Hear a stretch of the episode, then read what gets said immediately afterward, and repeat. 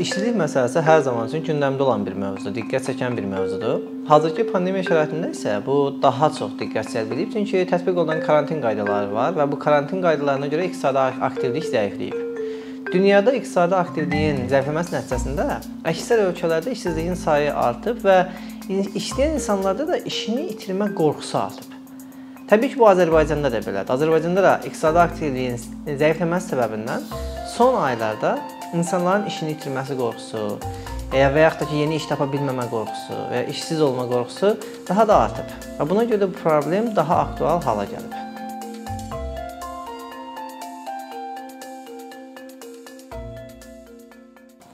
Dünyada aparılan tədqiqatlar göstərir ki, işsizlik ciddi bir sosial problemdir. Sadəcə iqtisadi problem deyil, çox ciddi bir sosial problemdir. İşsizlik işsizliyin maddi təsirləri müəyyən dərəcədə bilinir. Lakin qeyri-maddi təsirləri deyərdim ki, hətta daha çoxdur. Çünki işsiz insan özünü dəyərsiz hiss edir. Özünə olan inamı azalır. Siz fikirləşin ki, işsizliyin təsiri bir insanın ən yaxın ailə üzvünü itirməsi, itirməsinə bərabər götürülür. Bundan başqa məsələn sağlıq problemi ilə müqayisədə e, işsizliyin təsiri hər hansı bir sağlıq probleminin 3 qatı təsiri qədər qiymətləndirilir. Bu tədqiqatların nəticəsidir. Sorğu məlumatları əsasında mən Azərbaycanla bağlı tədqiqatlar aparıram. 2 il əvvəl apardığımız bir qiymətləndirmədə müəyyən olunmuşdu ki, Azərbaycanda işsizlərin 75%-i həyatdan qeyri-məmnundur və onların 30%-i hədsiz dərəcədə qeyri-məmnundur. Hazırda pandemiya şəraitində vəziyyət daha da pisləşib. İşsizlik artıb, işsizlərin sosial-psixoloji vəziyyəti daha da ağırlaşıb. Bunu hamımız bilirik. Hazırda davam edən və apardığım son sosial sorğunun nəticəsi isə göstərir ki, hazırda işsizlərin o həyatdan qeyri-məmnun olan hissəsinin payı 90%-dən daha artıqdır. Və onların 50%-i hədsiz dərəcədə qeyri-məmnundur. Bundan başqa sorğuda bir sual var. İnsanların işini itirmək qorxusu ilə bağlı. Və tədqiqat göstərir ki, ümumi iştirak edənlərin, buna həm işləyənlər, həm də işləməyənlər daxil. Ümumi iştirak edənlərin 55%-i işini itirməkdən və ya yeni iş tapmamaqdan qorxur. Çox narahatdır. Bu ciddi bir faktordur. Və diqqət edilməli bir nüansdır. Dövlət qurumları yeni iş yerlərinin yaradılması ilə bağlı bazar iqtisadiyyatının prinsiplərinə uyğun olaraq özəl sektorla əməkdaşlıq etməlidir. Çünki işsiz insan özünə qəsd edə və yaxud da sosial gərginliyin artırılmasında bir qığılcım rolunu oynaya bilər. Buna görə də ciddi bir məsələdir. Bunun isə əsas yolu yeni iş yerlərinin yaradılmasından keçir. Maraqlıdır ki, yəni insanlara işsizlik müavinətinin verilməsi işsizliyin mənfi təsirlərini kompensasiya etmir. Çox cüzi hissəsini kompensasiya edir.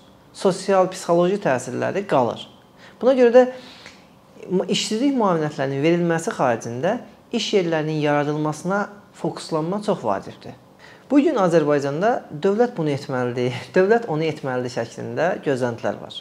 Və təəssüf ki, bu gözləntilər bəzən reallıqdan uzaq olur və pafos üçün böyük bir meydan açır. Dövlət nə etməlidir? Bazar iqtisadiyyatı şəraitində dövlətin iş yerlərini yaratması əsasən dolayı baş verir. İslahatlarla, biznes edilən təşviqlərlə, yəni dövlət birbaşa iş yeri yaratsın məsələsi bazar iqtisadiyyatının prinsipinə o qədər də uyğunlaşmır. Təklif olunan iş yerlərinin sayının məhdudluğu və cəlbedicilik dərəcəsi, eyni zamanda məşğulluq orqanlarına ayrılan resursların məhdudluğu belə bir problemi ortaya çıxarır ki, əgər müraciətlər çox olarsa, ən öncəlik kimə verilməlidir? Bu düşünürəm ki, hazırki pandemiya şəraitində daha aktual hala gəlib. Mənim apardığım tədqiqatın nəticəsində belə bir təklif verərdim ki, həssaslıq meyarı nəzərə alınsın. İşsizlər arasında da bir sinifləndirmə aparılacaq olsa, belə bir məcburiyyət yaransa, ən həssas qruplar müəyyənləşdirilib, ilk növbədə onlara dəstək olunsun mümkün çərçivədə. Və aparılan tədqiqatda bu həssaslıq necə ölçülməlidir? Hansı kateqoriya, hansı xüsusiyyət həssaslığı göstərir? deyə çıxanda ilk nüanslardan biri orta məktəb məzunu olmaqdır. Çünki bilirsiniz, orta məktəb Azərbaycanda orta məktəb təhsili məcburidir Orta məktəbdən sonra təhsilin olmaması, yəni bir insanın təhsil almaması iş axtarışında, iş axtarma prosesində ciddi bir problemdir. Çünki insan yetərsiz hiss edir özünü təhsillə bağlı və yaxud da ki, formal qaydada diplom tələbi. Bundan başqa bir e, digər məsələ insanın dul və ya boşanmış olması. Bu qrup ən həssas kateqoriyaların içində yer alır. Digər məsələ isə uzun müddətli də ölsün, işsiz olması bir insanın.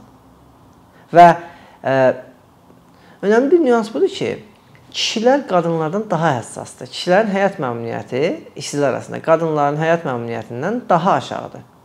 Ümumi, ümumi götürəndə e, məşğulluq mərkəzləri və hökumətin məsul qurumlar davamlı şəkildə bir sosial tədqiqatlar aparmalıdır ki, işsizlər arasında ən həssas qruplar hansıdır? Və təbii ki, bu müstəqil tədqiqatlar olmalıdır. Müstəqil tədqiqatlar nəticəsində belə bir nəticə alınıb həssaslıq meyarı müəyyənləşdirilib və o müddət boyunca ən öncəlik həssas qruplara verilməlidir. Əmək bazarında rəqabət və əmək bazarının funksionallığının artırılması. Bu da çox önəmli bir məsələdir.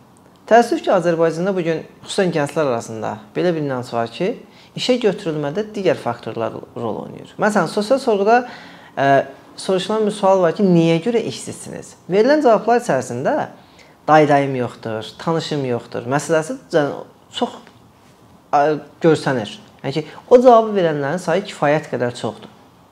Təbii ki, digər məsələ təhsil yetərsizliyidir. Məsələn, insanlar deyir ki, təhsilim yetərli deyil, ali təhsilim yoxdur. Və digər müəyyən digər səbəblər də rol oynayır. Ölkədə ali təhsildə iştirakçılıq faizi UNESCO-nun məlumatına əsasən 30%dir. Bu da o təhsil məsələsini aktual hala gətirir və ölkədə ali təhsildə iştirakçılığın payının artırılması istiqamətində tədbirlərin görülməsini zərur edir xüsusən işsizliyin təsirinin minimallaşdırılması baxımından. İşə götürülmədə ədalətsizliyin olması inancı insanların e, karyera seçimində və gələcəklə bağlı düşüncəndə fəaliyyətlərində ciddi bir problem halına gəlir. Xüsusən gəncləri yəni peşəkarlaşma, hansısa bir sahədə ixtisaslaşma, uzun müddətli karyera qurmağa deyil, daha çox iş tapım e, düşüncəsinə doğru meyləndirir. Çünki insanlarda iş tapa bilməmə bir qorxusu var. Bu isə həm mikro, həm də makro səviyyədə ölkə üçün ciddi bir itkidir.